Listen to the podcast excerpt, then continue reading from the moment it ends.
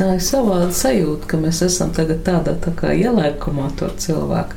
Viņi tā kā sapulcināti ap mums mm -hmm. ir. Nu, tā ir arī tajā izstādē. Nu, tāds arī ir, ka tajā istabā viņi visi ar kaut kādu savu enerģētiku ļoti piedalās. Esiet sveicināti! Mans vārds ir Anna Bušvica, un ieraksta tapšanas brīdī esmu mākslinieces sievas Jurijāns darba noliktavā, puspagrabstāvā Antonijas ielā Rīgā, netālu no Nacionālā mākslas muzeja. Nacionālā mākslas muzeja, kurā pirms diviem gadiem centrālajā ēkā bija skatāma Ievas Jurjānas sirmgalvju, zīdaiņu, augu un putnu zīmējumu izstāde Gals un sākums. Esam ar Miķeļu Liniņu, kurš ar filmu kameru arī ir klātesošs darbnīcā, palīdzību izpakojušas no burbuļplēves, kopš izstādes beigām šeit noglabātos portretus, un iemesls tam Novembrī gaidāms izstādes gals un sākums, turpinājums Daugopilī. Marka Rotko mākslas centrā. Ieva Jurjāna pati vēlas vēlreiz redzēt jau gatavos darbus, šobrīd top arī jauni, tos filmēt un atsaucoties uz manu jau pirms laba laika izteikto lūgumu intervijai, viņi ļauj arī mums abiem, filmkamerai un ieslēgtam diktafonam, būt klāt šai telpā. Būt par punktiem telpā, kas palīdz koncentrēties, sakārtot domas pirms gaidāmās izstādes, gals, sākums, turpinājums. Mākslas kritiķe Santa Mičela Hirša recenzējot 2018. gada izstādi Nacionālajā mākslas muzejā, interneta mākslas un kultūras portālā Art Territory, raksta, ka būtisks Jurijāns izstādes elements ir lēnums. Tas jaušams detalizētajā cilvēka atveidē akvareļu tehnikā, laikietilpīgajā darbā ar modeļiem, kas māksliniece ilgstoši pozējuši. Arī izstādes iekšējais ritms ir ļoti meditatīvs, katrs eksponāts uzvedina uz ilgākām pārdomām un katru no tiem gribas skrupulozi izpētīt. Lēnīgums, nesteidzīga piepildītība, laikam ir arī mans lielākais pēdējā laika atklājums. Pandēmijas apturētajā, ierobežotas apkārt staigāšanas un cilvēku satikšanas laikā jau kopš pavasara. Es patiešām izbaudīju garas sarunas ar Ievu Jurijāni, tiekoties regulāri reiz nedēļā vai divās, Nevienai no mums nebija skaidrs, kas no šiem stāstiem varētu izšķilties, taču atkārtotās tikšanās pamazām apauga ar aizvien jauniem notikumiem, sajūtām, mainījās gada laiki, uzzināja, kā rit dzīve dažādos diennakts laikos kvartālā starp medicīnas muzeju un Krievijas vēstniecību, iepazina brīnišķīgo mājas saimnieci Annu, saņēma četru pat septiņu stundu garus portretu tapšanas laikā tapušu sarunu ierakstus, un tagad arī jūs, cienījamie klausītāji, raidījumā augstāk par zemi var uzaicināt četru raidījumu ciklā nākt mums līdzi. Mākslinieces sievas Jurijāns vērienīgajā, mazliet utopiskajā iecerē veikt pētījumu, kas ir dzīve, nesteidzīgās sarunās par būtisko. Sarunai bija savi nosacījumi, tā ik reiz sākās ar attiecīgā portreta izsaiņošanu. Es izvilkšu to līdzību. Varbūt Miķels var man mm. palīdzēt, jo man spēki ir pa vājiem. Šo te bildi kaut kā ļoti delikāti, kamēr šīs nav man nospiedušas kā, kā muša. Tā, šitā vajag izvilkt tā no sāņiem. Ja viss ir process, tad kas šoreiz bija impulss, no kā dzimst impulss, teiksim, šai izstādē? Piemēram, daļa zīmējumu jau bija tapuši tādā saucamā bezapziņas stāvoklī. Tie ir tie dabas zīmējumi un to mirušo putnu zīmējumi.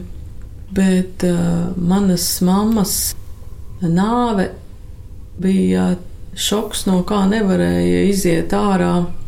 Tīri cilvēcīgiem uh, līdzekļiem man bija noteikti jāpiedzīvo kaut kāda atzīšana, atpazīšana caur uh, to savu mākslinieka aicinājumu caur zīmēšanu, jo es nezinu, kā ir citām profesijām, bet eh, māksliniekam jau zīmēšana ir viņa ķermeņa turpināšanās.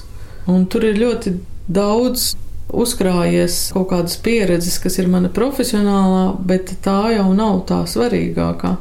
Svarīgākais ir tas, ka cilvēkam visu laiku jāturpina sevi kaut kā definēt, lai viņš vispār spētu tālāk dzīvot.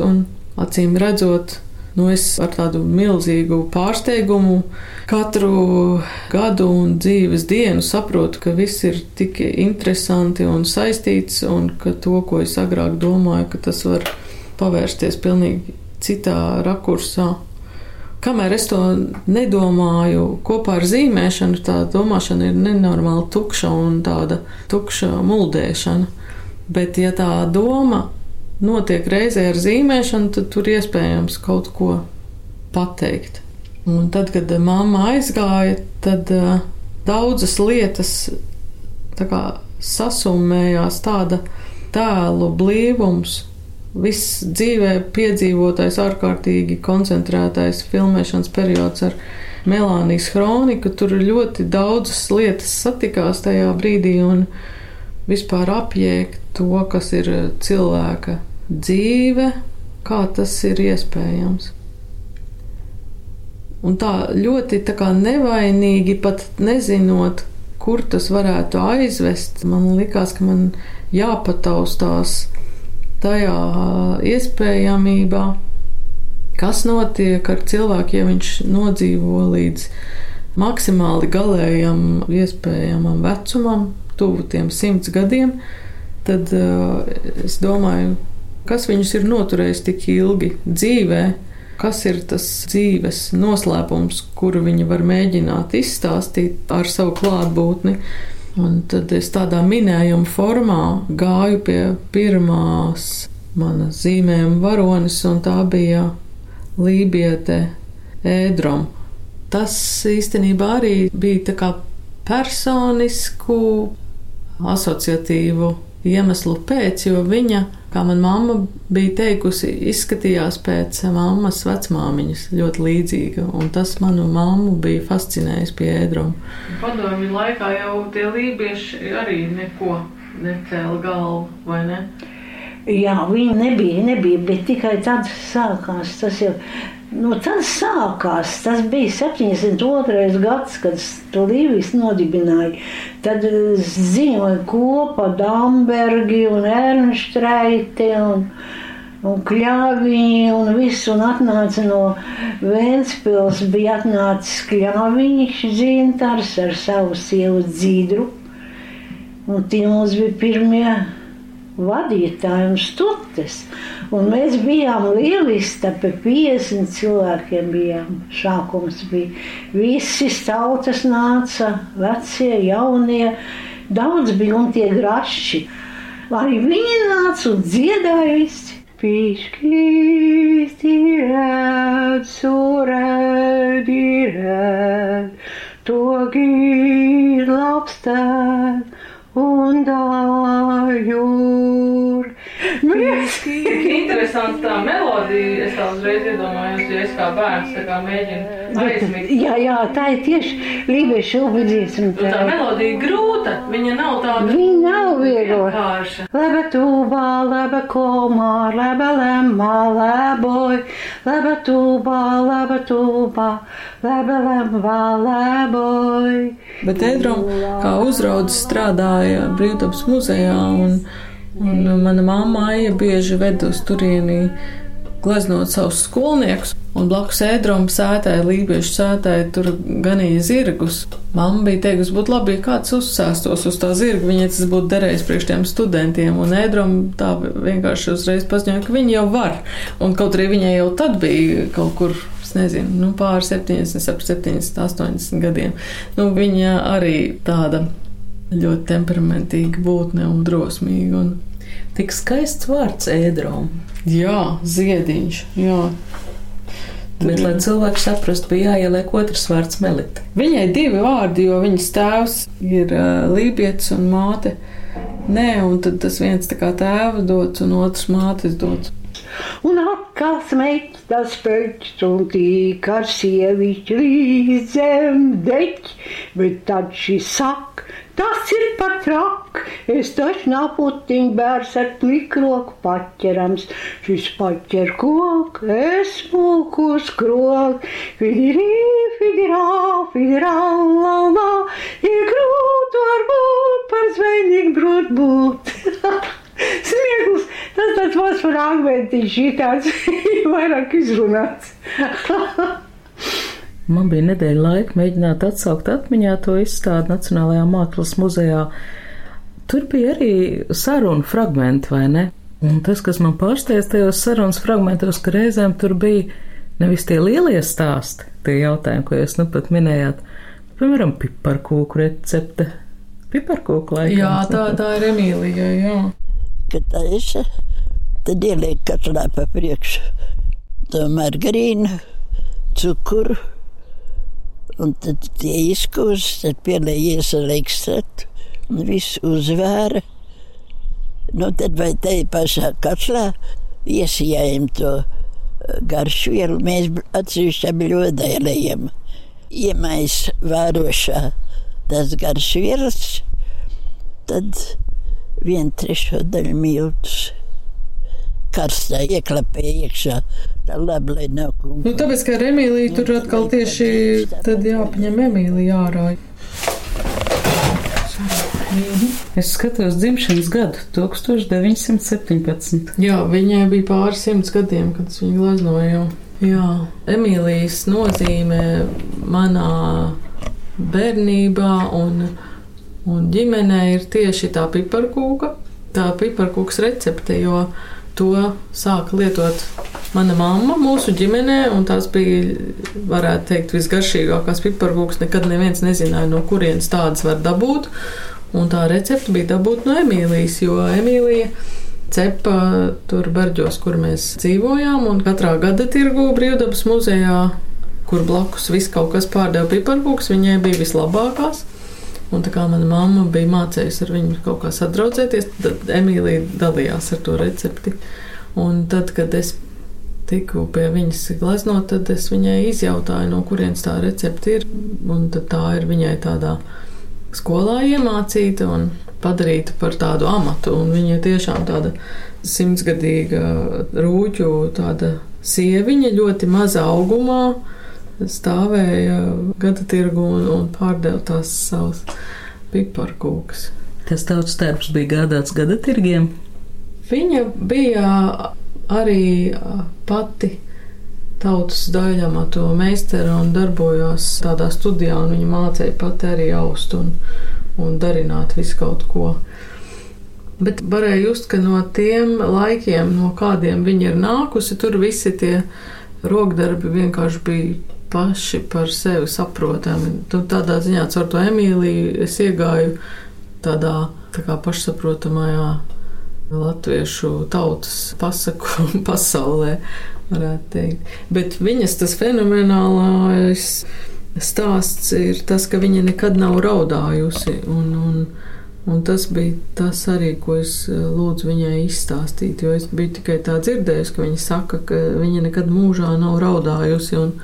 Tas nu, man nekādi nav skaidrs, kā ir iespējams. Un, Tā, tā ir tāda zināma īpatnība, bet viņa teica, ka viņai jaunai, esot jaunai meitenei, laikam 17, 18 gados nomira tētis.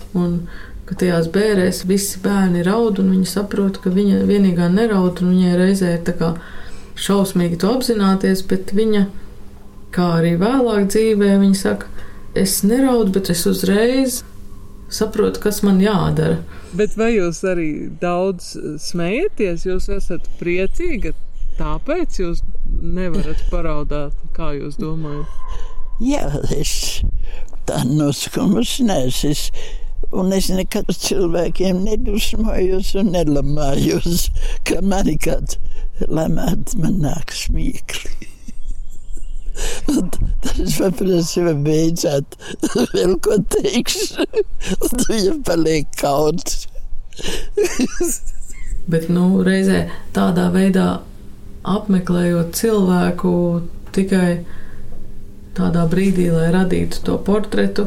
Tā jau ir tāda liela dāvana, bet, protams, ka aiz kadra paliek daudz uh, grūtību, kas ir tam vecumam. Slikta redzēšana un slikta kustēšanās. Bet kaut kādā veidā, esot ar tiem cilvēkiem kopā, es ļoti labi iztēlojos to tipisko latviešu saimes istabu, kas tikpat labi ir indiāņu neliels cilts kopienas kaut kāds modelis un vispār seno kultūru kopā dzīvošanas modelis, kur katram vienmēr bija sava vieta, un kur tie sirmgalvju stāsti un viņu roku veiklība katram bija sava funkcija un sava vieta. Un, protams, tā mūsdienu modernā sabiedrība, kas izolē vecus cilvēkus, nav tās saikne pavisam mazajiem ar pavisam vecajiem, Un ir tas milzīgais dzīves temps, kas pilnīgi ar pātrinātu progresiju. Daudz vairāk nekā, manuprāt, jebkuram no mūsu senčiem atdala tās paaudzes. Nu, par ko tas viss izvērtīsies, tas var būt tikai minams. Es vienkārši tā kā pamanīju, cik ārkārtīgi savādāk ir dzīvojuši mūsu vecvectēvi un vecās mātes no mūsdienu apstākļiem. Nu, tā kā vairāk visādi jautājumi rodās jā, no tā. Jūs ģimenē cepāt piparkūkus paši? Jā, jā, varētu teikt, padomju laikā jau nebija nekādas īpašas dāvanu kultūras, jo neko nevarēja dabūt. Un tad tās pašu uztaisītās piparkūkas, kas bija ļoti smalkas tajās kvalitātēs, nu, tad, tad varēja arī tās dāvināt, un tas bija kaut kas ļoti ekskluzīvs. Un arī tagad es jaucu to mīklu, caur to jūtos saistīta ar tiem cilvēkiem.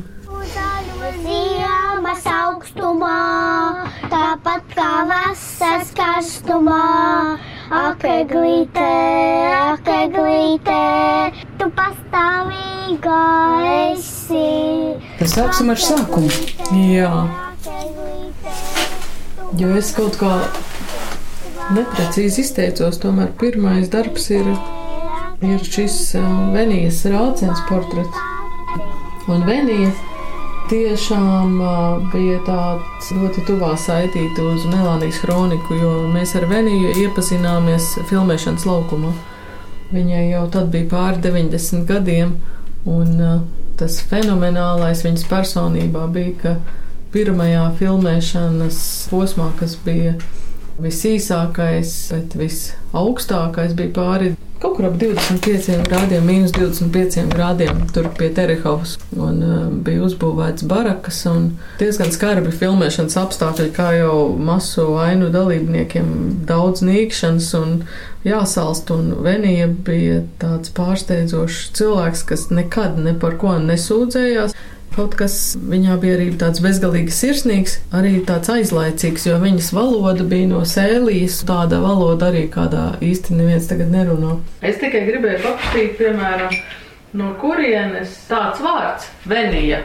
No vācu grāmatas vienas mamma izlasījusi vācu grāmatā, Venija bijuši ļoti tāda godīga meita. Jo es nevienu citu vienību neesmu satikusi, vai tu esi satikusi vēl kādu vienību? Ir, ir, mūsu pusē bija Jā? vēl viena vienība. Ir, ir, tomēr daudzi nav, bet ir. Mums vecais tēvs lasīja tautas grāmatu oju. Un tā viņš, mēs jau vakarā tur vecā izmāja, ka bija vēl no kunguma, nu tāda jāsaka, varbūt arī muižas kāda ēka liela. Nu, un e, tāda liela tā ēdamistaba bija, mēs saucām par ēdamistabu.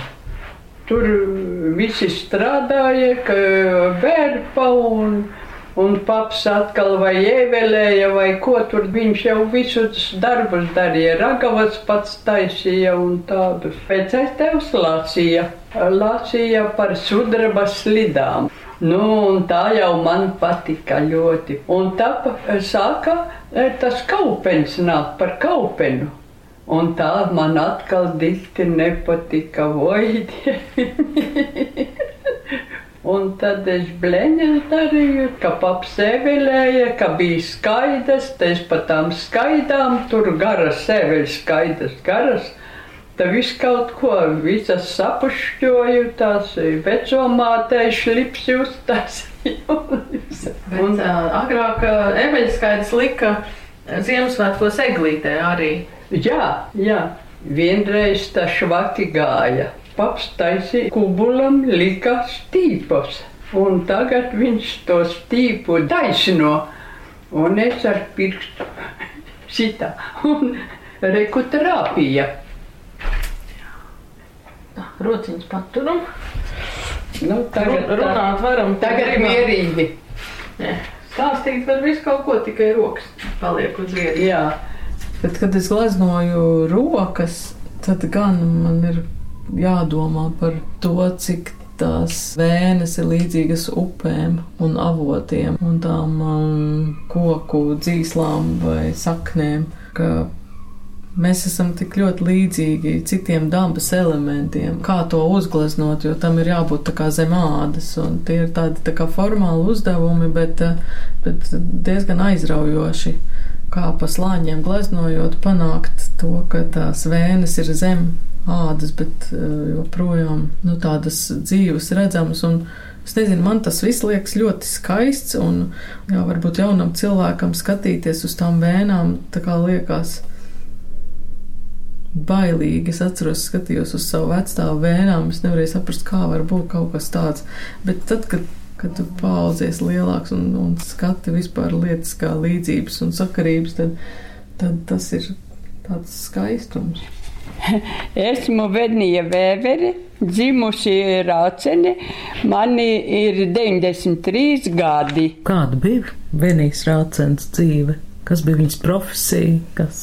Jā, viņa krāsoja gumijas rotaļlietas, un tas man likās arī kolosāli. Un tas bija ļoti kaitīgs darbs. Tas bija tās dobels, ja nemaldos, tās figūriņas, un tās izrādās katra ir ar roku gleznotas no ārpuses.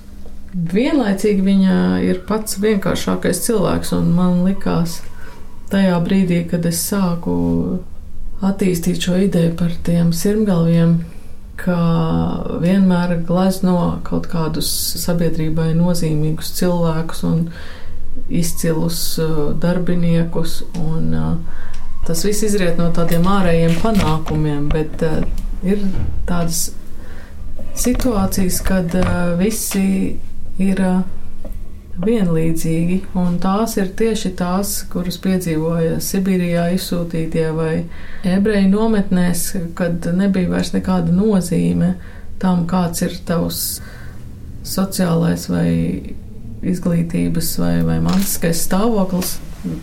Īstenībā tu biji tik pliks, cik tu biji savā personībā, un, un tad izrādās, ka ir ļoti izšķirošas tavas cilvēcīgās kvalitātes, un man likās, ka ar to pirmo bildi savā veidā es gribu izcelt šī vienkāršā cilvēka izcilās īpašības. Satikt tevi.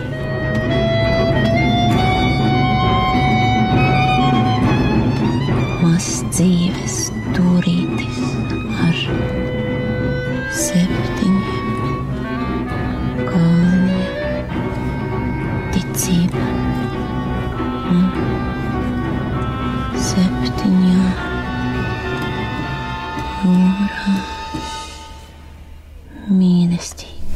es pareizi sapratu, Venēja Rācena bija masu skatu dalībniece? Jā, jā, jā. 90 gadu vecumā. Jā, jā, pār 90, jā, un, un viņa vienkārši tā baudīja to filmēšanos, ka pēc tam radinieki teica, ārprāts ņemiet viņu lūdzu vēl filmēties, jo viņa tad tā, viņai ir pietiek enerģijas pēc tam pusgadam, viņa ir tik laimīga. Un arī pilsētā pie upes mēs viņu paņēmām epizodē muižā, jo Venijai ir izcili, izteiksmīgi tie vaipsti un, un ne par velti viņai ir tāds kolosāls deguns, kas mums derēja pie vācu baltiešiem, tad viņu tā lēnām iztaujājot, es sapratu, ka viņas vecvecmāmiņa ir no baltvāciešiem, jo viņi tur saistīti ar baronu un tā tālāk, ja. Jo tas tajos vaipstos ir ierakstīts. Tu saproti, ka tā seja nav tāpat vien neparasta. Tu jūti kaut kādu eksotiku. Arī uz to drēbju laikošanu kinostudijā viņu pavadīja viņas dzīves biedrs Evalds. un jau toreiz man viņš ļoti iepatikās. Protams, viņam arī ir pāri pa 90 gadiem.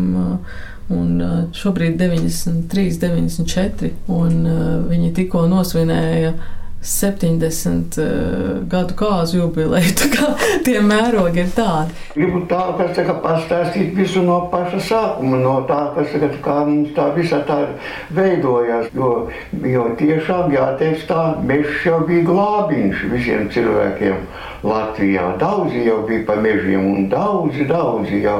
Nu, citam labāk paveicās, citam sliktāk, citu noķēra, citu nošāva un dēm. Es iepazinos arī ar Venijas dzīves biedru Evaldu.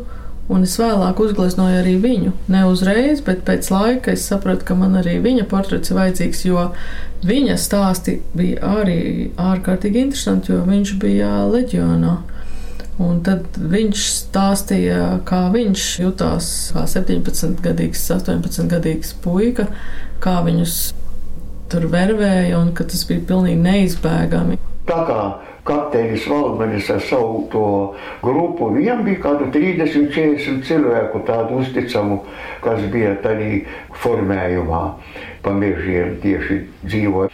Un lai viņš zinātu, kas notiek daudz maz aknistē un tur no tās valdības puses, tad man bija pārdienām jāiet uz aknisti, man bija jāiet kā sakarniekam, es pie valdmeņa, tā, tā, tā, tāda uzticība man tika dota.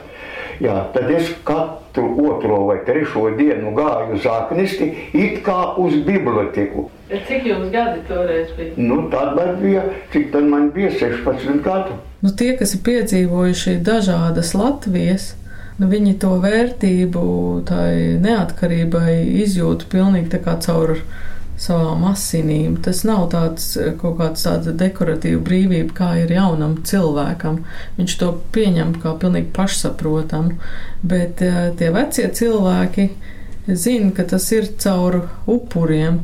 Un tad, kad eh, satiec daudzus tādus cilvēkus, kas zina, ko tas ir maksājis, tad tieši upura jēdziens tu sāc just kaut kā tīri fiziski ka patiesībā mēs šodien dzīvojam to upuru dēļ, un tas ir katrā sakrālā kultūrā, katrā reliģiskā ritā ir upura jēdziens.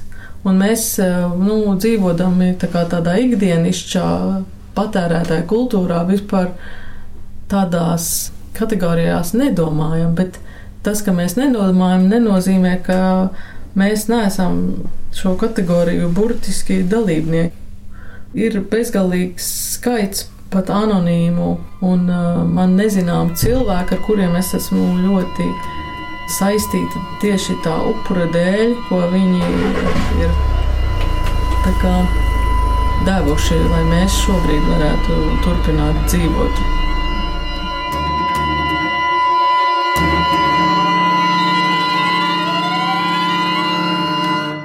Tas interesantais jau ir tas, ka tajā brīdī, kad tie cilvēki stāsta par attiecīgā vecuma pārdzīvojumu, tu redzi, ka viņš tajā brīdī ir tik jauns, kā viņš tad bija.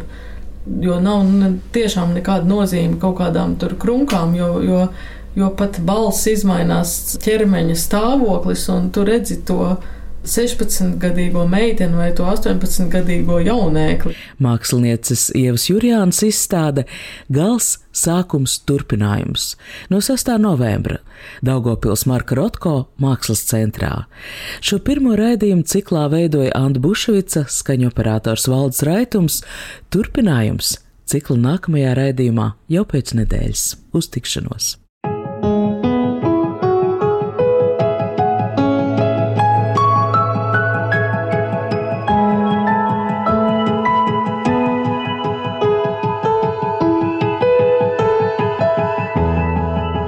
Gals, sākums, turpinājums.